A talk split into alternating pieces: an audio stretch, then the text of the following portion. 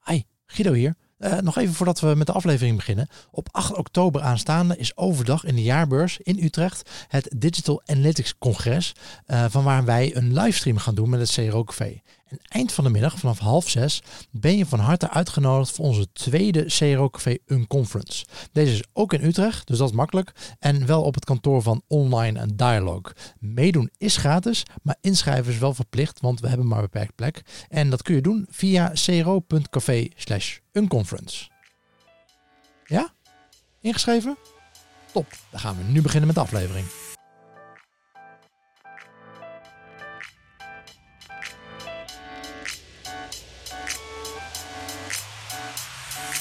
Heb jij interesse in geavanceerde optimalisatietips? Of ben je binnen je bedrijf een conversieoptimalisatieproces aan het opzetten of verbeteren? Convert.com is de organisatie achter Convert Experiences, de privacy-georiënteerde AB-testing tool die dit allemaal een stuk makkelijker maakt. Daarnaast hebben ze nu Convert Launch, een nieuwe service als aanvulling op je AB-testing software dat jou de ondersteuning geeft van een gecertificeerd conversiebureau. Denk aan extra training, opzetten van een interne hypothese en prioritering en hulp bij experimenteren.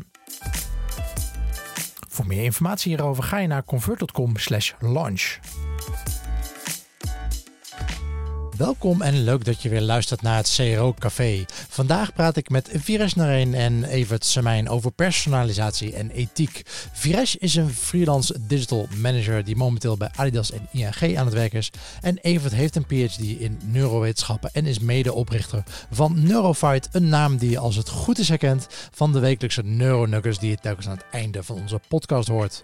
Ik ben Guido Jansen en welkom in het CRO Café, de podcast waarin ik een kijkje geef achter de schermen bij optimalisatieteams in Nederland en met hun specialisten praat over data en mensgedreven optimalisatie en het neerzetten van een cultuur van experimenteren en valideren. Mocht je hem gemist hebben, vorige aflevering sprak ik met Martijn Schrijbler van het Amerikaanse RV Share en bespraken we onder andere de verschillen tussen CRO in de VS en Europa. Als je die aflevering wilt terugluisteren, dan kan dat via cro.café 29. Deze aflevering van het CROKV wordt mede mogelijk gemaakt door onze partners Braingineers, Effective Experiments, Online Dialogue en Convert.com. Welkom bij aflevering 30. Ja, heren, welkom in het café. Uh, Evert, laten we met jou beginnen. Wat doe je allemaal? Wat ik doe is op het moment trainen wij Zero Experts en Zero Teams. Um, en een van de dingen die wij daar ook bij doen is uh, audits van AB-testen die gedaan zijn. Um, vooral om te kijken naar de data, wat daar nog aan gemiste kansen in zitten. En hoe die verklaard kunnen worden met psychologie en hoe dat meegenomen kan worden naar je volgende AB-test. En, uh, en je achtergrond? Uh, mijn achtergrond, ik ben neuropsycholoog, ben gepromoveerd. En um, ik had eigenlijk even genoeg gehad van de wetenschappelijke wereld. En ik heb samen met mijn compagnon Bijlen hebben wij opgericht. Oké, okay, en, en waarom ben je gepromoveerd? Wel, dan ga je nog iets. Het heeft waarschijnlijk niks te maken nu doet, of wel? Het heeft er helemaal niks mee te maken. Ik ben gepromoveerd op uh, ADHD bij ouderen. En daar was, het moment dat ik daarmee begon, nog niks over bekend. Um, ik, als je gaat kijken op ResearchGate, um, een alternatief van, van LinkedIn, uh, sta ik daar ook in de top 23 met mijn publicaties. Uh, het was toen de tijd groundbreaking, er wordt nu gelukkig meer onderzoek naar gedaan. En ja, ik zit te wachten op mijn eerste falsificatie. ja? Is dat, ja, is dat, dat iets waar je kijkt? Nou, ik vind dat, dat is in mijn ogen een speerpunt van de wetenschap. Dat je elkaars data probeert te weerleggen en uh, niet op zoek gaat naar dingen die uh, significant gaat, maar op, op, zoek gaat naar dingen die significant zijn, maar op zoek gaat naar dingen die um, ja, belangrijk zijn en die bevestigen dat, dat wat er gevonden is daadwerkelijk bestaat. Um, of dat je vindt dat wat er gevonden is helemaal niet bestaat. Dus, dus ja, daar zit ik nu nog op te wachten. Ja, heel goed. Nou ja, gaan we het zo meteen uh, vast ook nog over hebben. Uh, Viresh, welkom. Thanks. Thanks for having me. Um, wie ik ben? Ik ben uh, Viresh. Ik werk uh, voor mezelf als freelance als digital marketeer. Um, en ik help organisaties met het bereiken van personalisatie. Um, en vaak in de rol vanuit Customer Journey Expert. om echt het beginpunt tot het eindpunt en alles wat daartussen zit om onder mijn hoede te kunnen nemen binnen een organisatie. En, en op die manier elementen te kunnen verbeteren en teams in elkaar te kunnen knopen. Ja, en, en je wilde het hebben over personalization on scale. Ja, Dat, uh, dat is een uh, paar weken geleden personalisatie on skills sowieso iets waar ik me al een tijd lang um, heel erg over interesseer. Uh, voornamelijk vanuit de irritatie van ontzettend slechte marketing die ik zelf toegereikt krijg van verschillende bedrijven. Um, terwijl ze toch echt een hoop van me afweten. Ik laat een hoop digitale footprint laat ik achter. Dat uh, slaan ze ook allemaal op. Ik ben zo'n vervelend mannetje die uh, alle add-ons en noem maar op op zijn browser heeft. Dus best veel kan zien wat ik achterlaat. Um, en daar sta ik zelf sta ik altijd uh, ontzettend voor open om, om digitale footprint achter te laten. Maar wel met de kanttekening, jongens, doe er alsjeblieft iets goeds mee. Want ik geef signalen af, ik geef tekeningen af. Um, dan is het aan jou om te weten, nou, bijvoorbeeld ik een man ben, dat ik bepaalde, bepaalde voorkeuren heb. Um, dat ik interesse heb in, in bepaalde dingen. Als ik dat met je deel, doe er alsjeblieft wat mee. En niet dat je me een, uh, weet ik veel, een roze potlood voorschotelt omdat je een roze potlood wil verkopen. Ja. Um, het zijn, zijn doorgaans niet de dingen die, die ik wil. Ja, precies. En, en los van de persoonlijke frustratie, wat doe je er zakelijk uh, gezien mee? Op het moment help ik uh, Adidas. Um, ze hebben een, uh, een, case waarbij zij een, een, deel van hun klantenbestand in een waardevolle klantenbestand willen krijgen. Een percentage van hun klantenbase die koopt alleen maar in de sale. En de vraag was, hoe kunnen we valideren of we dat segment in een waardevolle segment kunnen krijgen? Um, en dat doe ik door een combinatie van marketing automation, zij, maken gebruik van het pakket Salesforce Marketing Cloud. Um, en daarin bouw ik een, een uitgebreide Global Customer Journey. Waarin we eigenlijk heel gericht kijken naar interacties die mensen hebben. Of het nou op het .com domein is, de app of in de winkels. Um, die pakken we op, die stoppen we in die klantreis en daar doen we vervolgens dingen mee. Om echt één op één naar de signalen te kunnen luisteren. Joh, wat gebeurt er? En wat willen we daar vervolgens mee doen? Oké, okay. en um, je personalization on scale. Ja. Uh, vraag ik me ook af, ja, is er een soort uh, minimum dat je moet hebben om personalisatie te kunnen doen? Of, of zit er een soort, of een soort optimum is het meer? Want ik kan me voorstellen, ik bedoel, als je maar één klant hebt, is het waarschijnlijk bijzonder makkelijk om te personaliseren. Zeker. Um, heb je er uh, miljoenen, dan wordt het misschien lastiger, maar, of tenminste, je hebt niet meer dat één op één verband. maar je hebt wel de data aan jouw zijde, zeg maar, om dat misschien te kunnen doen. Um, is er ook een soort middle ground waar het juist heel lastig wordt? Als je, als je 100 of 1000 uh, klanten hebt, is het dan lastig of kun je het dan ook doen? Je, je, kan het in alle variaties doen. Je ziet vaak bij personalisatie dat het gaat over vrij heftige investeringen. En dan heb je het vaak over uh, contracten van een miljoen of meer. En, en dan, dan denk... investeringen in tools? Of? In tools, in mensen, de, de hele combinatie van wat moet je als organisatie voor elkaar krijgen, wat wordt gedacht dat je als organisatie voor elkaar moet krijgen. Mhm. Terwijl je kan het ook vrij simpel doen. De meeste bedrijven hebben een web analytics pakket. Uh, veel al Google Analytics hebben een uh, CRM systeem. Um, als je die combinatie al hebt, dan heb je een, een scala aan vrij betaalbare tools die jou kunnen helpen om personalisatie door te voeren. Dus daadwerkelijk vanuit je web analytics signalen gaan oppakken. Um, in web, web analytics zit ontzettend veel data. Um, en die kun jij als marketeer, analist, geef het een naampje, kan je vaak niet goed verwerken, omdat het is zoveel data. En de kracht van een analytics pakket is juist inzichten. En als je dat met een um, tool, platform, stukje code gaat analyseren om daar vervolgens aanpassingen op, op te maken, dan heb je al personalisatie bereikt. Je kan bijvoorbeeld op B2B websites, dat zijn vaak wat lager volume websites, kan je al heel goed personalisatie toepassen. Uh, kijk gewoon eens naar, uh, joh, wat, wat doen mensen op de website? Zitten ze bijvoorbeeld vanuit AIDA-model, zitten ze heel erg naar informatie over mij als bedrijf te zoeken? Zitten ze nog heel erg in die voorkant van die funnel? Joh, dan moet je misschien je pagina's gaan aanpassen naar lees meer over, lees meer cases over dit. En als je dan ook nog eens een keer kan achterhalen in welk uh, domein de persoon zit, en dan bijvoorbeeld op basis van IP, weet je, eruit filteren uh, wat uh, de standaard IP's zijn, dus de Ziggo's en de Telfords van de wereld. Je ziet vaak dat middelgrote bedrijven toch al een eigen server hebben. En daar zit bepaalde informatie in. En als je dan ook nog eens een keertje een vertaaltabel hebt, en dat is gewoon data die je kan opkopen, um, om, het, om de industrie te achterhalen, dan kan je cases gaan aanpassen op industrie. Dan heb je al een versie van personalisatie te pakken die um, invloed uitoefent op wat iemand ziet. Want je gaat dingen relevanter maken in plaats van het generieke uh, segment wat je aan het uitpoepen bent. Ja. en het voordeel van B2B is ook dat je vaak een veel beter beeld hebt bij wie je klant is. Ja. of, of sterker nog, je hebt misschien zelf contracten met, met al je klanten. Als het goed is wel. wat, wat, je bij B2C vaak niet hebt.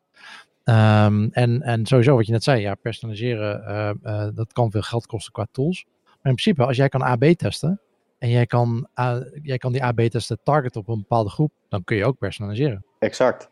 Ik, ik, zie, ik zie dat personalisatie eigenlijk de vervolgstap is van een goede CRO-strategie. Ehm, weet je, CRO is een, een goed CRO-programma is proces, proces, proces. Op een gegeven moment heb je executievermogen zo goed staan en heb je kennis- en kundeniveau binnen je organisatie op dat vlak zo goed staan, dan kun je gaan nadenken over, joh, wat kan de volgende stap zijn?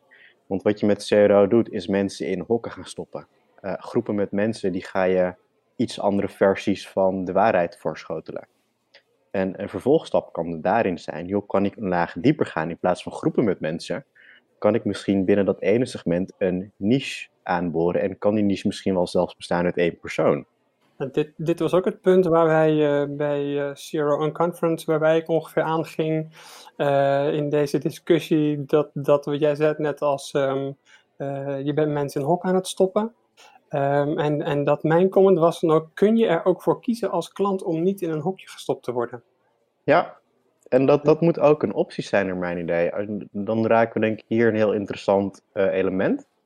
Um, en dat is de, de opt-in. Um, ik zelf ben altijd voorstander van gewoon laten zien, joh, wat slaan we op en waarom. Om vervolgens die keuzevrijheid bij de eindgebruiker neer te leggen. Mhm. Er zijn zat cases te zien in de wereld waarbij als je dat uh, doet, tuurlijk een hoop mensen zullen het gewoon wegklikken, want laten we wel wezen, niemand heeft er echt interesse in. Maar het heeft vaak ook te maken met UX. Hoe, hoe schotel je het voor aan iemand en leg je het helder uit? Ja. Weet je, vaak is de uitleg over cookie consent toch in een bepaald uh, bepaalde taal, bepaalde vorm van uitleg. Waar je denkt, ja, maar ik snap er helemaal geen pepernoot van. Kan ik niks mee. Klik weg. Ja, en het, het lastige is natuurlijk hierin, als je het goed aanbiedt, uiteindelijk is de mens een lui wezen. Ja. Uh, als je de brein analyseert, dan, dan kom je erachter dat het een, een, een lui orgaan is. Wat altijd zal kiezen voor uh, default effect, de standaard optie. En dat is waarschijnlijk het accepteren van alle opties die jij aanbiedt, waaronder personalisatie Um, dus, dus dat, is in, dat is juist een, een moeilijk punt. En dat is, nou ja, we, we, hebben het natuurlijk al eerder over gehad. Hier kunnen we heel lang over praten. Maar hoe kun je dat goed aanpakken? Um, dat je daar ook over nadenkt als je gaat personaliseren. Ja, ja, ik denk dat een interessant is. Er zijn ook voldoende triggers die je kan inbouwen. Of je nou een, een volledige journey maakt of andere componenten. Dat je kan gaan oppakken, joh, misschien zit iemand te twijfelen over wat we allemaal met hem doen. En dan misschien even een reminder van, joh, uh, kijk, hier is hier kan je je voorkeuren aanpassen. Ja. Weet je, uiteindelijk gaat het om, je bent een constante relatie met, met jouw klant, eindgebruiker aan het opbouwen. Je wilt uiteindelijk die lifetime value, die wil je zo lang mogelijk houden. En ik, ik, ik zelf ben altijd een voorstander ervan om terminologie mensen en eindgebruikers te gebruiken in plaats van users en clicks. Ja. Um, ik werk in ons vakgebied, hebben we het vaak over users en clicks. Um, en we vergeten dat het vaak gaat om echte mensen. Door neurowetenschappen met AI te combineren, detecteren ze bij Braingineers de emoties onder consumenten op basis van hersendata. Tegelijkertijd worden ook eye-tracking, mouse-tracking en schermopnames vastgelegd, zodat je per seconde kan zien hoe je consument online interacteert en wat zij op dat moment onbewust voelen. Deze informatie wordt toegankelijk gemaakt voor je hele team middels hun emotion analytics platform BrainPeak, de sleutel tot de ware consumentenbeleving. Ontdekken hoe consumenten zich echt voelen op jouw website? Ga naar www.braingineers.com. Even, wat doen jullie allemaal met uh, personalisatie bij, bij jullie klanten?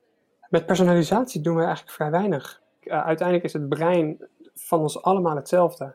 Um, uh, wij pakken juist die, die denkfouten die we allemaal hebben, het zijn er een stuk of 200. Um, daarmee hoef je niet te personaliseren. Wat, wat Viresh net zegt, dan zit je eigenlijk in het stadium daarvoor, zeg maar. Dus eerst optimaliseer je met, met CRO uh, voor de massa. En zo, dat is meer waar jullie ingrijpen, zeg maar. Gewoon de, de standaard dingen van hoe, het, hoe bijna ieders brein werkt. Mm -hmm. um, en vervolgens kun je gaan personaliseren. Ehm, ja, maar ik wil niet zeggen dat wij bij personalisatie niet betrokken kunnen worden of hoeven worden. Uh, juist bij personalisatie kun je ook na gaan denken, hoe zorg je ervoor dat die context zo goed mogelijk aansluit bij degene die jij die data voor gaat schotelen. Ja, ik, kan ik bedoel, ik weet ook genoeg uh, voorbeeldjes, ook uh, van AB-testen die ik zelf heb gedaan. Um, ja, het brein van veel mensen kan hetzelfde zijn in de basis. Maar mensen kunnen natuurlijk een hele andere ervaring met iets hebben. Dus ja. als ik bijvoorbeeld iedereen reageert misschien. Uh, stel, ik ben de expert op een bepaald gebied en ik ga dat kopen. dikke kans dat ik mij niet laat beïnvloeden door social proof. Want ja. ik ben expert, dus waarom zou ik mij laten beïnvloeden door wat allemaal andere mensen zeggen? Ja. Daar heb ik geen boodschap aan. Dus dat, dat zo'n zo principe is, is misschien wel iets wat je overal kan toepassen. Maar ja, Um, ik verkoop dan uh, net een product waar uh, een deel van mijn bezoekers, die zijn experts, maar een groot deel van mijn bezoekers ook niet. Dus op die manier moet je dan toch, uh, kun je ze toch op een andere manier moeten benaderen. Nee, maar daar, daar heb je ook gelijk in. Um, kijk, en dat, dat is, je hebt natuurlijk, het brein is overal hetzelfde, maar daar hangt ook bij aan um, dat iedereen zijn eigen context heeft. Wat jij zegt, als jij expert bent, zul jij minder snel gaan voor social proof. Kun jij bijvoorbeeld uit de data halen dat iemand expert is, dan hoef jij ook niet die social proof aan te, aan te bieden. Want je weet dat ze daar niet voor zullen happen. En dit is het mooiste context. Kunnen wij de context ophalen van wat is de persoon aan de andere kant van het scherm aan het doen? Ja. En op het moment dat je dat kunt herkennen, dan kun je vervolgens ook je vervolgstappen daarop gaan aanpassen. En dan krijg je ineens hele toffe ervaringen. Ja. Kijk, uiteindelijk is wat we met ons vakgebied aan het doen zijn, is mensen beïnvloeden om uh, nou, te helpen beseffen dat ze naar ons toe moeten komen. Um, en laten we wel wezen, ieder bedrijf, geen enkel bedrijf is echt uniek. Dus hoe zorg je ervoor dat je iets anders bent dan de rest van de mensen die hetzelfde product, dienst of service verlenen? Uh, en op het moment dat je dat goed kan gaan aanpassen en kan laten aansluiten op de wensen en verwachtingen van iemand anders, oh, dan heb je goud te pakken. Kijk, wanneer zeg, het, uiteindelijk is het natuurlijk ook personalisatie waar je gewoon de slag mee kunt slaan. Um, uh, ook, ook vanuit de psychologie ga, is het, wat, wat natuurlijk ook zegt, het is gewoon heel interessant als jij kunt achterhalen wat is de context, um, waardoor klikken deze mensen, waardoor overwegen ze mijn product. Um, als je dat kunt achterhalen, kun je daar met psychologie nog eens een keer voor zorgen dat ze daar eerder voor gaan of dat het gevoel wat jij creëert, de ervaring die ze hebben, veel vetter is. Veel, veel meer aansluit bij hen. En dat je dus ook veel meer naar pool gaat dan naar push. Zijn er bepaalde groepen, uh, als jullie je bezighouden met, uh, met personalisatie, uh, waarvan je, waar, waar je bijna altijd wel ziet van, hé, hey, dat, daar is een verschil te zien tussen, tussen groep, deze, deze bepaalde groepen, dit, dit bepaald segment. Uh, als ik dat naar boven haal, als ik dat ga analyseren, bijna altijd wel kan ik daar een verschil maken met personalisatie. Zijn er, zijn er standaard groepen in naar boven te halen of is het elke keer anders? Ik, ik denk wat ik vaak zie is als je de, de grotere stappen tussen generaties neemt. Dus pak Gen Z, dus dat zijn uh, de mensen tot, uh, tot een jaartje of twintig. Um, en pak de babyboomers. Daar zitten vaak een aantal verschillen in die vaak naar voren komen. En dan heb je het al over uh, wat is de voorkeur in swipe gedrag, wat is de voorkeur in klikgedrag, um, volgorde van bepaalde dingen. Um, bijvoorbeeld iets heel plats, de, de, de app TikTok. Dat is bij de meeste uh, mensen ouder dan 20 jaar niet echt bekend, staat niet op de radar. Um, terwijl je... Ik ben persoonlijk al afgehaakt bij Snapchat, dus... Uh... ja, bij Snapchat ja. al, jeetje, Guido. Wat, wat is dat? Ja, ja nee, ik heb uh, het wel heel lang geleden dat ik dat überhaupt geprobeerd heb. Ik denk dat het een jaar of twee, drie geleden was. ik kwam er gewoon niet uit. Ik nee? begreep het gewoon maar wat begreep je er niet aan? Ja, dat weet ik niet meer. dat heb ik goed gewonnen. Maar hier heb, je hem al, hier heb je hem al te pakken. Ja, maar uh, leeftijd is dus een ding? Ja. Nog andere je hebt, ook, ook, vanuit, ook vanuit de psychologie is leeftijd heel interessant. Want het, het is gewoon zo, jongeren zijn, uh, zoeken risico's. Um, daar, daar, dus als jij jouw product als heel veilig gaat, gaat aanbieden ook aan die groep, dat is leuk, maar dan zullen ouderen afhaken. Uh, sorry, dan zullen de jongeren afhaken, want de ouderen gaan juist voor de veiligheid. Die zijn risicomijdend. Um, dus dus het, het, dat is, het is inderdaad een hele leuke groep, wat jij, wat jij net zei, Viresh. Uh, jong en oud. daarop doorgaan. Ik heb laatst een onderzoek gelezen dat het niet zozeer om, om risico gaat.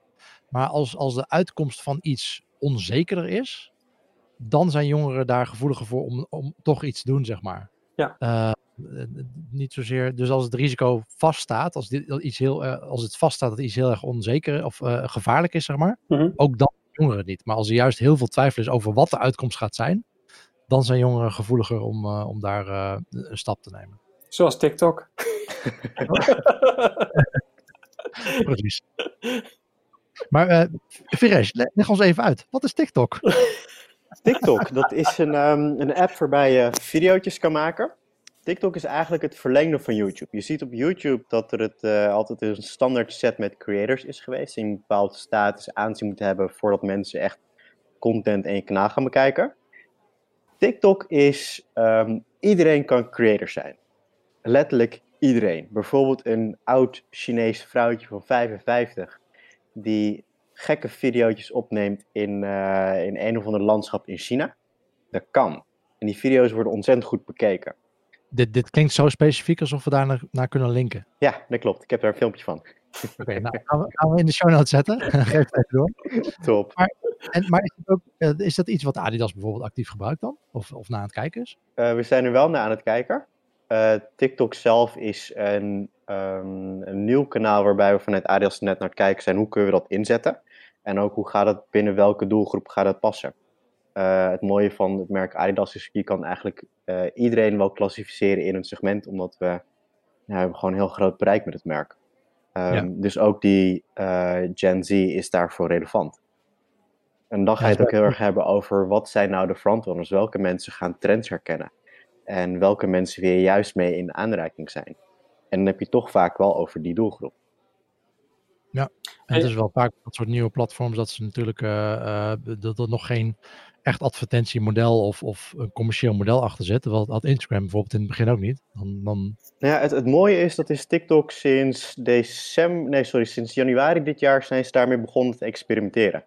Juist ook omdat, weet je, ze hebben meer dan een biljoen downloads. Uh, ze zijn ontzettend groot wereldwijd. Uh, en wij kunnen ons ook voorstellen, de hele achterkant, de hele uh, codemachine die daarvoor nodig is. Best wat geld ja. voor nodig. Ja, um, dus ze moeten ook een verdienmodel gaan uitvogelen. En wat is nou het nummer één verdienmodel van alles op het internet? Advertising. Ik, het, het was een van de vragen waar ik heel benieuwd naar was, maar ook hoe je hem, uh, hoe je TikTok marketing kennis in kunt zetten. Daar, daar, hoe, hoe, hoe zitten jullie, ik weet niet of je daar wat over mag zeggen, maar hoe zitten jullie daar bijvoorbeeld bij Adidas over na te denken om, om TikTok in te zetten? Worden dat ads? Ga je daar content voor creëren? Uh, hoe, hoe... Een, een, een, combinatie van. Ik moet wel zeggen, vanuit mijn huidige rol sta ik wat verder van de echte campagnematigheid. Um, tegelijkertijd, er wordt ontzettend veel content wordt al geproduceerd. Of dat nou een uh, product image is, een product beschrijving, reviews, uh, samenwerking met verschillende merken, ga zo maar op. Dus de hoeveelheid content is, het is de uitdaging niet. Het is vooral de klassificatie kunnen we herkennen om wat voor content het gaat, in welke fase het valt, de tagging die daarbij uh, komt kijken. Yes. Um, en kun je daar vervolgens een andere doelgroep op een andere manier mee bereiken. En dan kom je weer terug naar het stukje uh, segmentatie, personalisatie. Wat, ik, wat we willen bereiken met Adidas is dat we kanaalongebonden, tijdsongebonden, um, de juiste boodschap met de juiste context uh, bij de juiste persoon kunnen laten landen. Dus als dat betekent dat het kanaal voor een Evert een TikTok moet zijn om uh, herkenning met het product te, te, krijgen, dan gaan we dat inzetten. Technisch gaan we dat voor elkaar krijgen. Ja. Um, weet, ik weet wel dat we de koppeling op het moment nog niet hebben vanuit marketing automation. Maar als we echt willen uh, en we zetten een klein legertje van developers in die zich boos maken, dan kan dat. Oké, okay, niet iedereen heeft de, de, de slagkracht van een Adidas. Mm -hmm. Um, als een gemiddelde Nederlandse webwinkelier hier naar luistert, denk van oké, okay, ik wil met personalisatie aan de slag. Wat, wat zou jullie advies zijn? Waar, waar begin je? Breng eerst eens je web analytics op orde. Dat is ja. uh, stap 1. Um, je ziet toch vaak dat er in Google Analytics of ander web analytics pakket dat doelen nog niet ingesteld zijn. Of dat de tracking code twee tot drie keer of helaas wel vaker geïmplementeerd is, waardoor je dingen uh, dubbel gaat meten. Dus zorg eerst eens voor een schone dataset. Um, als je dat hebt staan en je hebt uh, daarnaast ook een CRM staan waar je website op draait, nou, top. Uh, kijk dan dus naar vendors die je kunnen gaan helpen bij personalisatie. Ehm, en er zijn zat te vinden. Google daar gewoon eens naar personalisatietool. Um, en dan krijg je al een legio aan uh, tools uh, die je kunnen helpen die niet heel duur zijn. Uh, en dan heb ik het echt over nou, misschien 100, 200 euro per maand. Um, dat zijn vaak gewoon add-ons die je kan implementeren, Java add-ons. En wat ja. die tools doen, is die kijken vanuit de web analytics. En door de add-on kunnen zij het CMS aanpassen. En kunnen ze op die manier aanpassingen maken. En zijn er dan, uh, bedoel, tools zijn leuk uh, en, en, zeker ook nodig, maar uh, wat, wat, voor kennis moet je in huis hebben? Zijn er bepaalde skillsets waarvan je denkt van oké, okay, dat, dat, de, die moet je hebben als je gaat personaliseren? Of bepaalde, zijn er misschien bepaalde openbare cursussen die je kan doen hierin? Voordat je, voordat je überhaupt met personalisatie gaat starten, weet je, bekijk eerst eens hoe, gewoon basics. Hoe goed is jouw website überhaupt? Wat is de usability? Wat is de laadtijd? Niet willen rennen voordat je een beetje normaal kan lopen. Um, heel plat gezegd. Ja. En, en ik, ik kom vaak in, in organisaties binnen dat uh, er wordt gesproken over personalisatie. En dit willen we en dit willen we als project aanpakken. En we hebben budgetten. En dan ga ik ze een beetje rondsnuffelen. Joh, hoe zit het met je datakwaliteit? Hoe zit het met je web analytics? Goh, je hebt een app. Hoe meet je dat door? Meet je dat überhaupt al door? Um, wat is de status daarvan? Wat is je laadtijd? En vaak komt eruit dat daar al een heleboel te verbeteren valt. En ja. personalisatie is voor mij wel echt een vervolg op een volwassen CRO-strategie. Ja, precies. Dat wat je net ook zei, van als je, als je dat niet hebt, dan hoef je er überhaupt niet, uh, dat is niet waar je begint, zeg maar. Nee. Uh, dus, dus even vanuitgaande dat die volwassen CRO-strategie er is, zeg maar. Mm -hmm. Wat zou dan de volgende stap zijn? Wat, wat, wat is de, de logische stap naar personalisatie toe? Dan is voor mij inderdaad echt de logische stap. Kijk eens wat heb ik nodig qua producten, qua tools. Uh, mm-hmm. Maar maak ook eens een stap intern. Waarom willen we dit? Uh, en dat vond ik wel interessant wat Evert aan het begin zei. Um, je hoeft personalisatie, personalisatie is geen doel op zich. De reden dat, uh, dat ik er aan mag werken vanuit Adidas is omdat dit kernonderdeel is van hun uh, visie en wat zij willen bereiken voor 2020. Ze hebben vijfjarig plan, dat houdt in 2020 houdt het op. En uh, als klassieke retailers zijn ze afhankelijk van wholesale. Um, om die afhankelijkheid daarvan weg te nemen, is het nodig om het eigen kanaal um, op te zetten en daarin een eigen relatie met jouw gebruiker, met jouw consumer op te zetten. Um, en dat is waarom personalisatie een logisch gevolg is van de visie van het bedrijf. Ja. Als jouw visie van het bedrijf op een andere uitkomst zit, dan hoef je niet per se met ook al heb je een volwassen CRO-strategie, hoef je niet per se met personalisatie aan de slag. Nee, nee precies. En, en misschien heb je gewoon een hele homogene doel. Dat kan ook. Uh, en, maar, maar, maar dan nog, en dat, is, want dat, dat was natuurlijk een vraag die jij net had, Guido. Um, hoe zou je hiermee kunnen beginnen? Ik, ik denk dat een low entry ook al kan zijn, en dat zit zelfs onder de 200 euro per maand, is um, jouw, jouw drip campaigns die je hebt, je, je, je e-mailcampagnes, om daar eens naar te kijken wat je daarin kan personaliseren. Uh, welke producten hebben mensen uh, gekocht? Uh, wat, welke pagina's hebben deze bezoekers gezien? en wat kunnen wij daarin met, met de volgende drip-e-mail die we aan gaan bieden? Um, zijn, ze, zijn ze geïnteresseerd in een bepaald segment? Pak dan je volgende e-mail. Zorg dan dat er in jouw flow zit dat ze dan in dat segment een product aangeboden krijgen. Of vanuit dat segment een product aangeboden krijgen. Ja, ja en voor de duidelijkheid, ik bedoel, als je gaat personaliseren, wil niet zeggen dat je een, een website moet hebben die, dat, die technisch uh, allemaal de, uh, andere dingen naar, voor andere bezoekers kan doen. Je kan ook gewoon, als je een AdWords campagne doet, die kun je al targeten. Ja. En die, la die laat je op een andere landingspagina landen. Dan heb je ook al een personalisatie. Ja, ja, ja. Hey, um, um, wat anders. Um, sowieso, we hadden het uh, natuurlijk over personalisatie on scale. Het ene deel is, hoe bereik je dat? Uh, het andere deel, uh, hoe hoe kun je omgaan met de ethische keuzes die je, die je dan tegenkomt? Uh, dat lijkt mij ook wel een interessant onderwerp. Um, nou, ik heb, uh, we kennen allemaal wel wat, wat voorbeeldjes daarvan, denk ik, uh, die ons irriteren wanneer personalisatie fout gaat. -hmm. Um, ik denk dat jullie ook wel bekend zijn met darkpatterns.org. Die link zullen we ook, zeker ook even in de show notes vermelden. Uh, denk aan uh, dat, dat uh, de unsubscribe link in een nieuwsbrief verborgen wordt. Of dat je LinkedIn, die, die zijn er ook voor naar de, naar de rechter hebben ze moeten gaan. En ehm, dan een flinke, flinke som moeten voor, voor moeten betalen. Omdat ze iedereen een soort van geforceerd hun contact moest uploaden. Um, denk aan bijna alles op booking.com. en ik kwam laatst ook eentje tegen, dat vond ik wel mooi hè. Ehm, dat er, uh, ze hadden gewoon banners waar, uh, of, of buttons zelfs, waar, waarop uh, geklikt moest worden volgens de, volgens de websitebouwer. Dus wat, wat deden ze? Voor de mensen die, ehm, waar deze website op mobiel of, ehm, of op tablet geserveerd wordt, werd er een soort vlekje op die banner gemaakt. Zodat heel veel mensen de neiging hebben om dat vlekje weg te halen van hun, van hun scherm. Maar dat vlekje zat niet op je scherm, dat zit gewoon in de banner gebouwd. En het blijkt ook dat je je Amazon-account überhaupt niet kan verwijderen zonder iemand van Amazon te spreken. Sowieso ziet probeer het maar eens te vinden. Vergeet, vergeet WhatsApp niet, hè? Vergeet WhatsApp niet. Ik probeer van WhatsApp te gaan. Dat, dat lukt niet. Je kunt deactiveren. Verder kom je niet. Nee, ja, precies. En, en, nou, in Amazon is het zo, uh, als je naar 20 keer klikken uh, via, via de, de, contactformulier volgens mij, en dan, dan, dan krijg je een medewerker te spreken daar eindigt het voor, ja, allemaal dat soort dark patterns. En die kun je natuurlijk ook toepassen op uh, personalisatie. Uh, ik denk dat we, voor mijn gevoel, waar, waar het vooral gevoelig wordt, is, ik maak vaak een onderscheid tussen met, met CRO, dat je twee dingen doet. Aan de ene kant probeer je dingen makkelijker te maken, of, ofwel het usability deel, je haalt frictie weg. Meestal is dat niet zo'n probleem, of daar ontstaat niet ehm, de discussie over. Uh, maar die discussie die staat, ontstaat om deel 2 van als je de motivatie wil laten toenemen. Mensen een bepaalde richting uh, opstuurt. En uh, ja, nou, wat Fresh net zei, je, je, we zijn mensen aan het beïnvloeden. Ja. dat, ze, dat ze onze kant op moeten komen en ons product moeten kopen. Um, ja, dat is een hele lange inleiding. Evert, wat voor dingen maken jullie hier, hierbij mee? Hebben jullie wel eens, zijn jullie wel eens dit soort situaties tegengekomen? Uh, met een klant of, of uh, in discussies dat ethisch niet helemaal lekker voelde?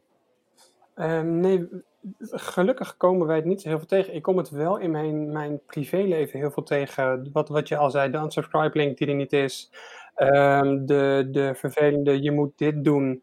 Um, maar het, het, ik, ik ben nog niet iets tegengekomen waarvan ik zeg, dit, dit kan niet door de beugel of dit, dit moet echt anders. Ja, je bent het niet bewust tegengekomen, even. Ja, daar zeg je het heel goed. Inderdaad. Ja, Finesh? Ik, uh, ik zit erover na te denken. En ik, uh, bij een van mijn projecten, dat was voor een, een, um, een, bedrijf wat in de recruitment zit. Op een gegeven moment had natuurlijk, uh, het was dit anderhalf jaar geleden, twee jaar geleden, de mooie GDPR-wetgeving die eraan komt. En het, het mooie van de recruitment-industrie, die hebben ontzettend grote databases, waar ze niet veel mee doen. Dus je hebt een hele grote database met mensen met wie je heel lang geen contact mee gehad hebt. En die stuur je dan een mailtje of ze, of ze nog oké zijn uh, dat hun gegevens opgeslagen blijven. Nou goed, dat, uh, dat trekt op, een gegeven moment gehad. Een hoop uh, reacties of een hoop non-reacties eigenlijk. Dan is de logische vervolgstap, joh, de mensen die aangegeven hebben, joh, ik wil verwijderd worden of ik wil niet meer in die database zitten. Dat je daar vervolgens ook actie op, op voert terwijl de mensen daadwerkelijk uit je database verwijderen. Um, binnen dat traject was dat een heel moeilijk traject om uiteindelijk er doorheen te krijgen. Want dan krijg je toch de input ja, nee. Maar uh, dan halveren we onze hele database. Dat kan niet. Want dan kunnen wij niet meer opereren. Um, wacht even. wacht even. Um, laten, we, laten we het gewoon eventjes niet hebben over het stukje hoe we überhaupt opereren. Weet je, dus allemaal gewoon mensen gewoon een mailtje sturen in de hoop dat ze hem willen lezen. Laten we dat gewoon even negeren. Um, laten we eens hebben over de wet en regelgeving die we proberen te volgen. Uh, als bedrijf zijnde. En dat, dat werden best interessante gesprekken, want dan heb je te maken met enerzijds, en uh, dat wordt er vaak bestempeld als businessdoelstelling. En vanuit de business hebben we bepaalde elementen die we graag op een bepaalde manier doen. En aan de andere kant heb je het heel plat over wet en regelgeving die vrij helder is. Um, dat is trouwens niet helemaal waar binnen GDPR, maar op een gegeven moment als iemand heeft gezegd, heeft aangegeven, joh, ik wil niet meer in je database zitten, dan is dat vrij helder wat er daarna moet gebeuren. Um, dus ja, op die manier heb ik ermee te maken gehad. Ik zit nu op een heel interessant project met Adidas. Daar hebben we het over dynamic pricing. Um, en heel vroeg in dit project hebben we eigenlijk al een, een ethisch gesprek over wat vinden we er eigenlijk van. Wat, wat vinden wij als bedrijf ervan dat we een eventueel verschil kunnen gaan inbouwen op basis van geslacht, op basis van leeftijd, op basis van koopgedrag. En zo zijn nog een hoop andere triggers en signalen die je kan gaan inbouwen in dynamic pricing. Ehm, technisch gezien kunnen we dynamic pricing redelijk makkelijk opzetten. Uh, ook met vrij diepgaande parameters om daarin te gebruiken. Tegelijkertijd, wat vinden wij daar eigenlijk als bedrijf van? Hoe staan we daar vanuit legal in? Hoe staan we daar vanuit merken in? Uh, laten we daar eerst een opinie over vormen. Dus uh, dat is een traject dat ik nu aan het voeren ben met verschillende mensen binnen het bedrijf.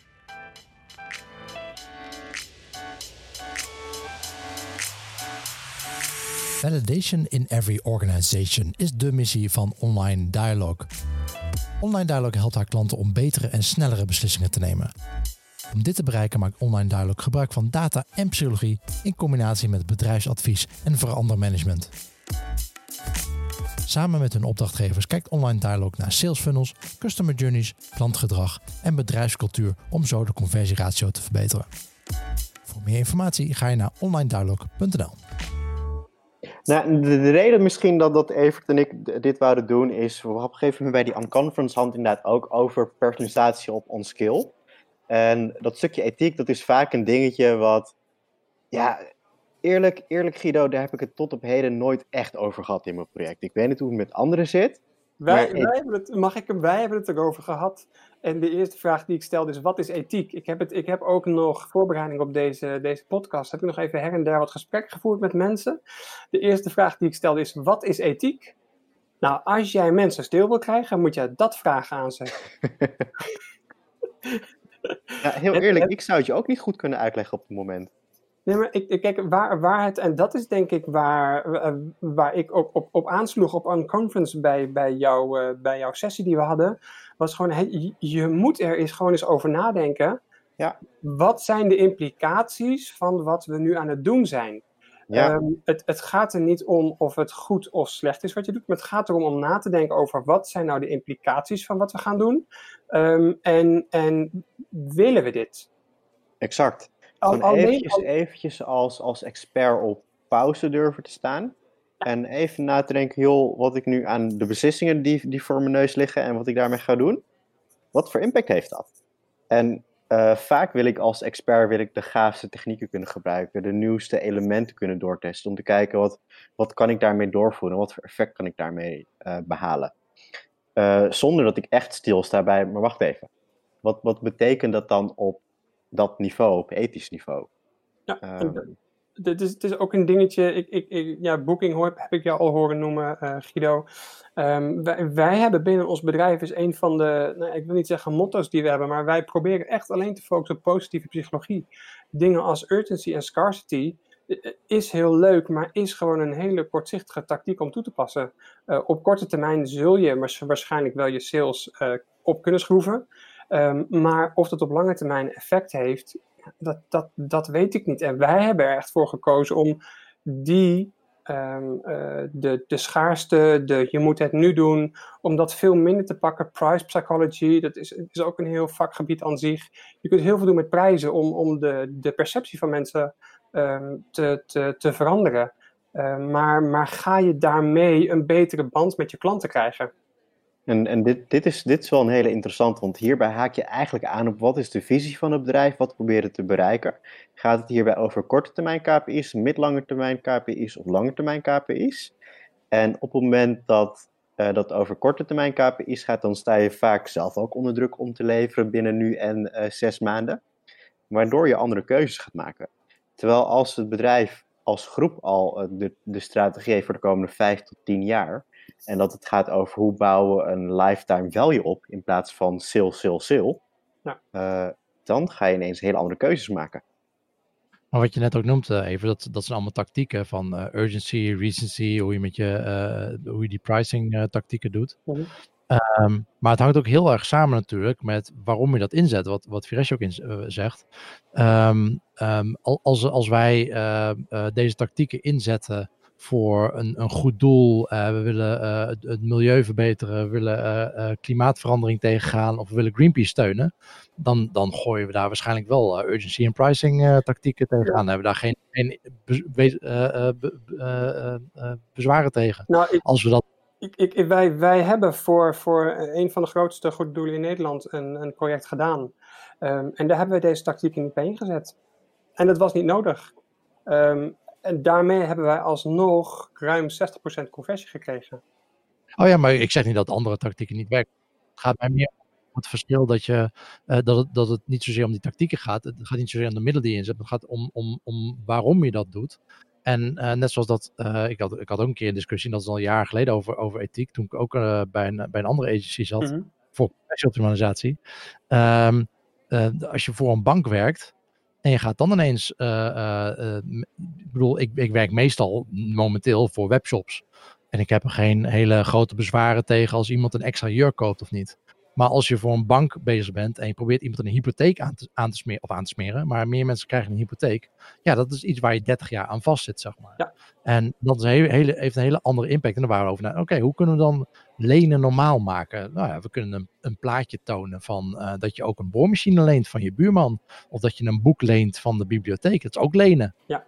En daarmee dat gedrag proberen te normaliseren. Dus dat, dat bedoel ik van, er is, er is denk ik een onderscheid tussen, tussen de tactieken die, die op zich neutraal zijn. Uh, versus waarvoor je het daadwerkelijk inzet. Het gedrag dat je wil veranderen en eh, dat, met welk doel. Ja, ja ik denk uiteindelijk, Viresh, en ik hebben hier natuurlijk al over gehad. En, en um, ik denk dat wij allebei wel gewoon de, de lange termijn strategieën belangrijker vinden dan de korte termijn strategieën.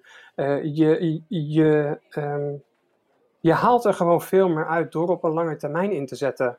Uh, op korte termijn zal dat waarschijnlijk betekenen dat jij veel minder sales hebt. En dat jij dus je, je, ja, de KPI's die je hebt staan voor aankomende maand niet gaat halen. Maar trek dat door. En, en uh, misschien dat die, die 300 mensen die je bereikt hebt met die, met die mailing van jou, die net niet gekocht hebben, uh, die zullen mogelijk volgend jaar wel in één keer allemaal op de sale duiken.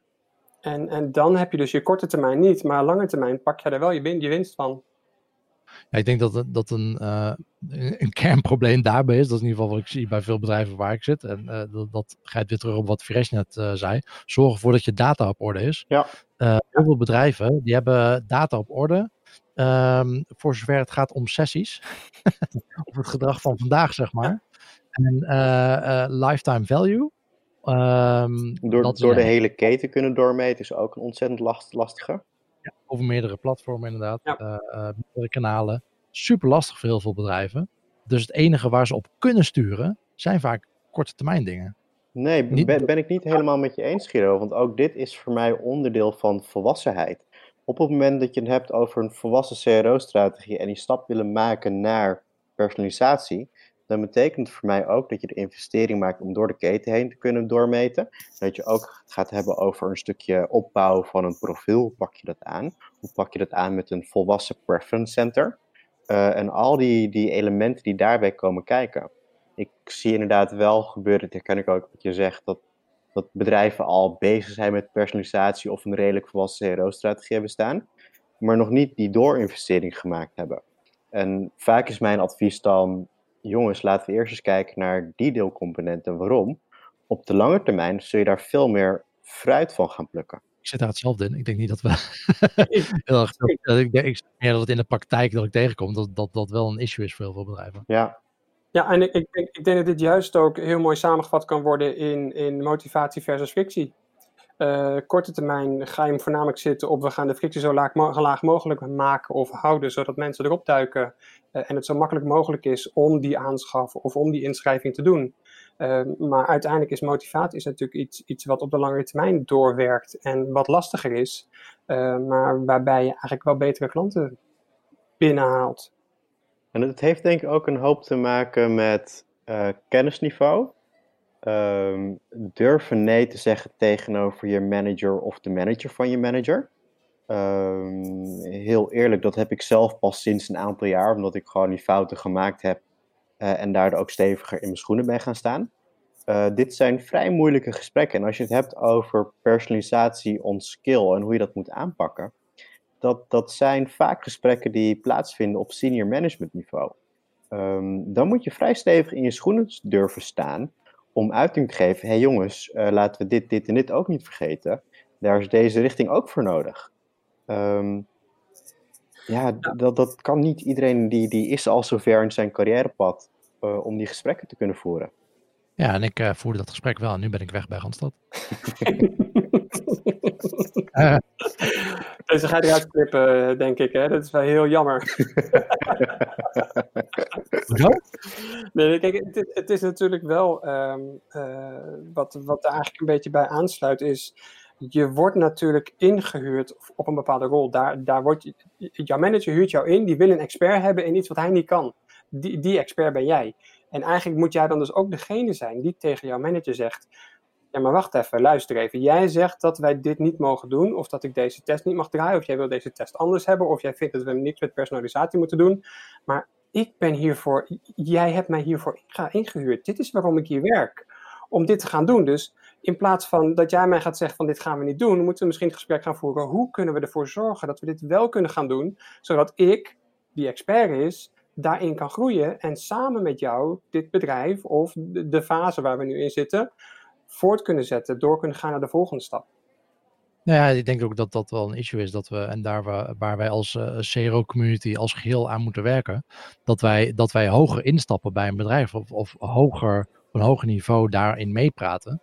Uh, waar ik elke aflevering ook mee begin. Het, het gaat om een, het creëren van een cultuur van experimenteren en, en valideren. Het gaat er niet om dat je, dat je die, die, die kleur van die knop uh, gaat testen. Uh, het gaat om dat je met het hele bedrijf. Het is, het is, een, het is, het is change management wat we met allen moeten doen. dat we er open voor staan om, om experimenten te runnen. Um, en ehm, ook op een ethische manier dat te doen. Kijk, en, en dat vind ik een heel, hele mooie, want het gaat allemaal hand in hand. Op het moment dat jij jouw datastructuur end-to-end niet op orde hebt staan, dan kun je vaak als uh, CRO, manager, expert, geef het een naam, kun je niet aantonen, joh, dit is mijn toegevoegde waarde in harde euro's, dollars of whatever. Um, en tegelijkertijd, dat zijn wel de investeringen die weer nodig zijn om die vervolgstap te kunnen maken.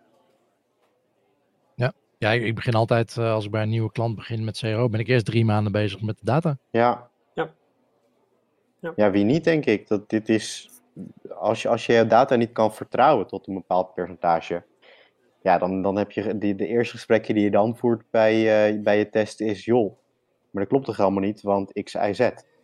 Dan sta je Precies. dan. ja, sta je dan inderdaad. Kun je weer terug naar de tekentafel. Wil jij ook een cultuur van experimenteren en klantgedreven beslissingen opzetten in jouw bedrijf? Dit is niet iets wat vanzelf gebeurt. Het begint met het neerzetten van een betrouwbaar proces waarmee je experimenten in de gaten kan houden, kennis kan delen en waarmee je iedereen binnen je bedrijf op de hoogte kan houden van de voortgang en de resultaten. Effective Experiments is het CRO-succesplatform waarin je al je gebruikersonderzoek, experimenten en rapporten kan vastleggen op één centrale plek. Start vandaag nog met het bouwen aan jouw optimalisatiecultuur met Effective Experiments. Een demo aanvragen doe je via www.effectiveexperiments.com.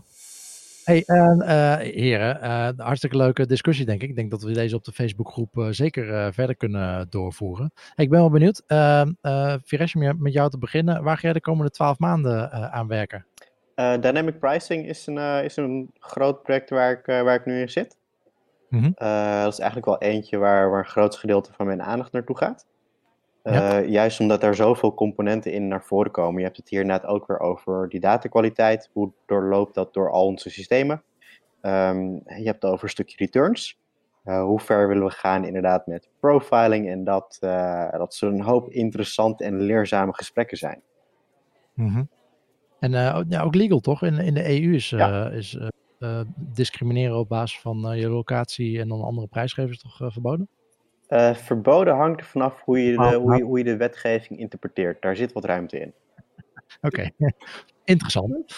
Nou, dit, dit is inderdaad wel een interessante aan de wet en regelgeving. Vaak zie je dat, zoals het al in de letter van de wet beschreven is, dat het vrij breed beschreven is. Dus dat het afhangt van de interpretatie van jou als persoon of van jouw legal team of van andere experts. Uh, En ook hoe we er zelf mee omgaan. Um, en, en dat is een gesprek waar wij, waar ik in ieder geval vanuit Adidas, waar zijn wij als groep nog niet over uit. Um, en dat moet zich gaan vormen. En daar ben ik zeker geen. Uh, het gaat niet over mijn opinie. Ik, mijn rol daarin is dat ik de groep uh, voorzie van de juiste informatie zodat we met elkaar tot een conclusie kunnen gaan komen. Ja, ja. Ik denk dat dat ook het belangrijkste is, want je, het, het, woord ethiek is natuurlijk al een paar keer gevallen, maar het, het, het gaat in, in onze ogen, in mijn ogen, en ja, de Viresjes, die, die gaat denk ik zo meteen knikken, um, uh, niet zozeer over, um, ga over ethiek nadenken, haal het moraal erbij. Het gaat gewoon om, denk na over wat zijn de consequenties als wij dit doorvoeren. Zou ik dit zelf willen? Wil ik op deze manier bijvoorbeeld gepersonaliseerd worden? Vind ik dat fijn? En als je dat fijn vindt, of als, je, als jullie als bedrijf besluiten, ja, dit gaan we doen, prima, dan ben je al met ethiek bezig geweest. Dan heb je even stilgestaan en heb je overwogen, wat zouden de implicaties hiervan kunnen zijn en willen wij die gevolgen dragen?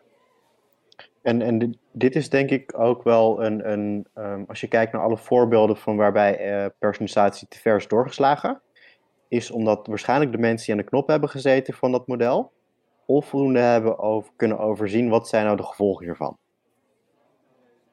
En, en dat is voor als je ethiek als onderdeel van je keuzeproces maakt, hoe moeilijk dat ook kan zijn, um, dan kun je zulke voorbeelden gaan voorkomen.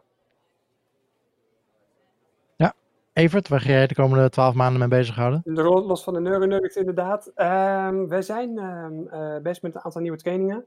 Um, uh, CRO hoort daar ook bij. Uh, de crash course die gaan wij volgend jaar gewoon weer doorzetten. We hebben 14 november de laatste. Um, en um, wij zijn met een aantal hele nieuwe vette tools bezig. die hopen wij eind dit jaar uh, eerste versies van te hebben die wij uh, intern kunnen gaan testen. Met een aantal klanten van ons, een aantal alumni van ons. maar daar, daar, daar ga ik nog niet al te veel over loslaten. Kan je wel vertellen wat voor tools dat zijn, Evert? Uh, het heeft te maken met uh, persoonlijkheden en matching. Oeh, toffe dingen. Klinkt goed. Ja, ja meer, meer, nou, meer, meer, durf ik er niet over te zeggen zonder dat ik dit met het team eerst overlegd heb. Ja, ja. Maar je eerste klant zit klaar in ieder geval. Uh, ja, die zitten te wachten. Ja, heel goed. Hey, en als laatste vraag, wat ik, uh, wat ik uh, aan alle, alle deelnemers en gasten van het CRO vraag. Uh, ja, waar haal je inspiratie vandaan? Los natuurlijk van het werk wat je doet. Maar hoe zorg je ervoor dat je nieuwe input krijgt en nieuwe ideeën krijgt? En fresh? voor mij is dat een combinatie van verschillende meetups en events. Um, ja. bijvoorbeeld de Salesforce meetups vind ik super interessant om naartoe te gaan en uh, met verschillende mensen te, te, te, sparren en te praten. Hoe denk je over onderwerp X, Y, Z? Uh, ik heb een aantal vaste podcasts uh, die ik luister voor inspiratie. zullen ze ongetwijfeld in de show notes zetten. En uiteraard deze podcast in de On-Conference, die elke maand was het toch, wordt die gehouden? nou, hé, hey, hallo. nee, elke kwartaal, Viresh. En 8 oktober is de volgende. Kijk. Uh, Evert? Uh, ja, naast het werk is het, het klinkt misschien net heel suf, maar ik, ik kijk als ik het kantoor uitwandel, kijk ik naar buiten. Ik kijk wat er om me heen gebeurt. Ik kijk wat de supermarkt probeert te doen met mijn boodschappenmandje.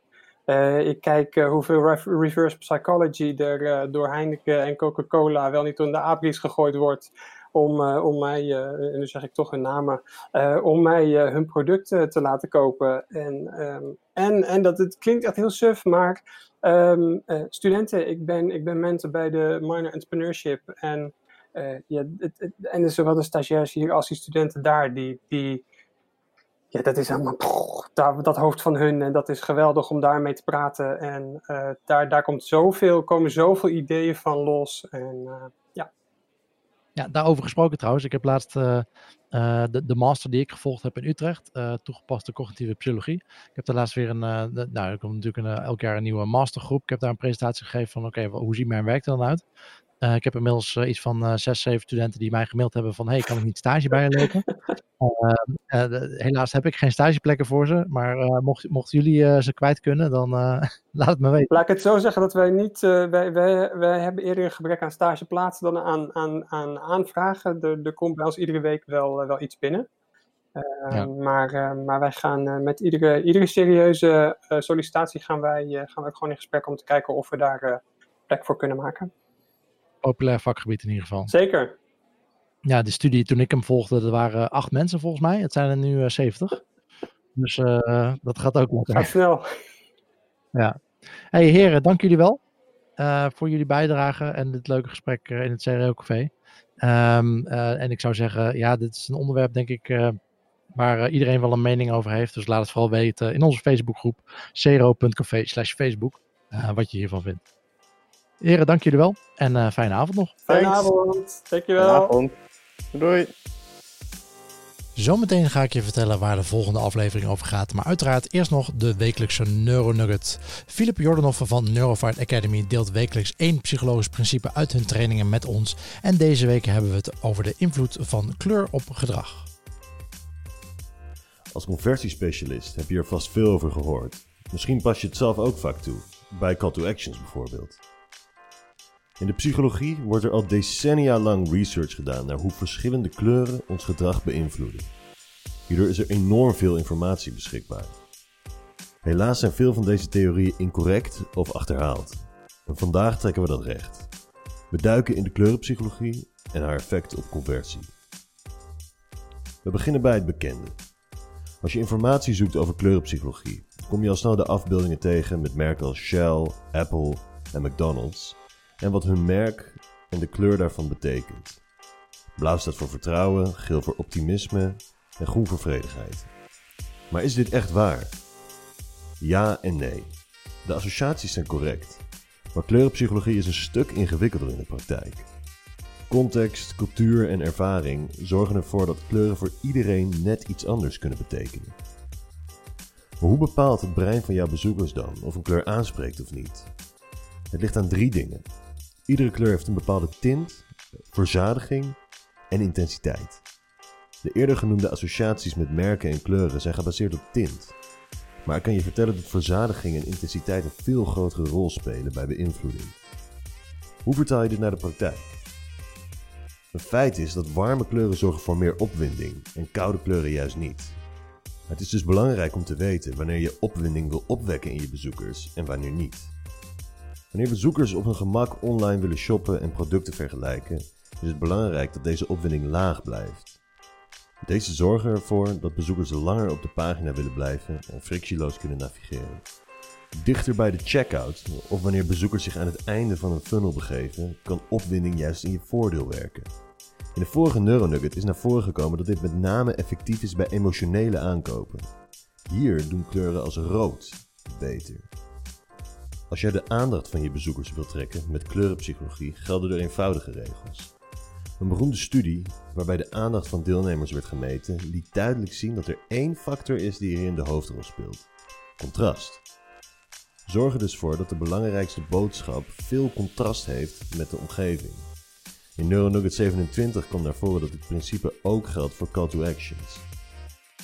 Als takeaway van vandaag noem ik een aantal vuistregels in kleurgebruik voor conversie. Bij producten voor alledaags gebruik werken koelere kleuren beter. Bij luxe producten zijn dit warmere kleuren. Bij ingewikkelde content leidt intens kleurgebruik te veel af, maar bij simpele content zorgt dit juist voor meer engagement.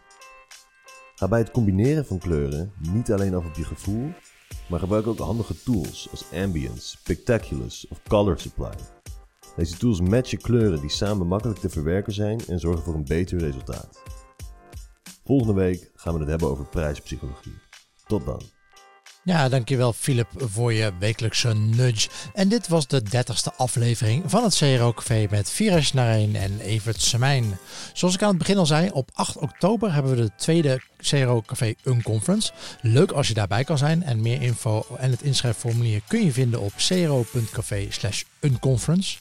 Uh, naast dat we daar een livestream uh, gaan doen vanaf het Digital Analytics Congres, dat is overdag op 8 oktober, doen we ook een livestream vanaf de CRO Awards, die aanstaande donderdag op 3 oktober worden gehouden. Uh, zie je mij op een van die events, kom dan vooral even gedag zeggen en dan mag je zelf kiezen of je dat doet in of naast de microfoon. Volgende keer spreek ik met Felice van Steenbergen. Na growth hacking projecten in Nederland voor onder andere Seeds to Meet, Friesland Campina, TVM en Natuurmonumenten is ze nu richting de Alpen vertrokken om dat te gaan doen voor onder andere Red Bull. We praten over de uitdaging van de freelance optimizer en hebben we het daarnaast ook over de soft skills die je zou moeten bezitten. Tot dan en always be optimizing.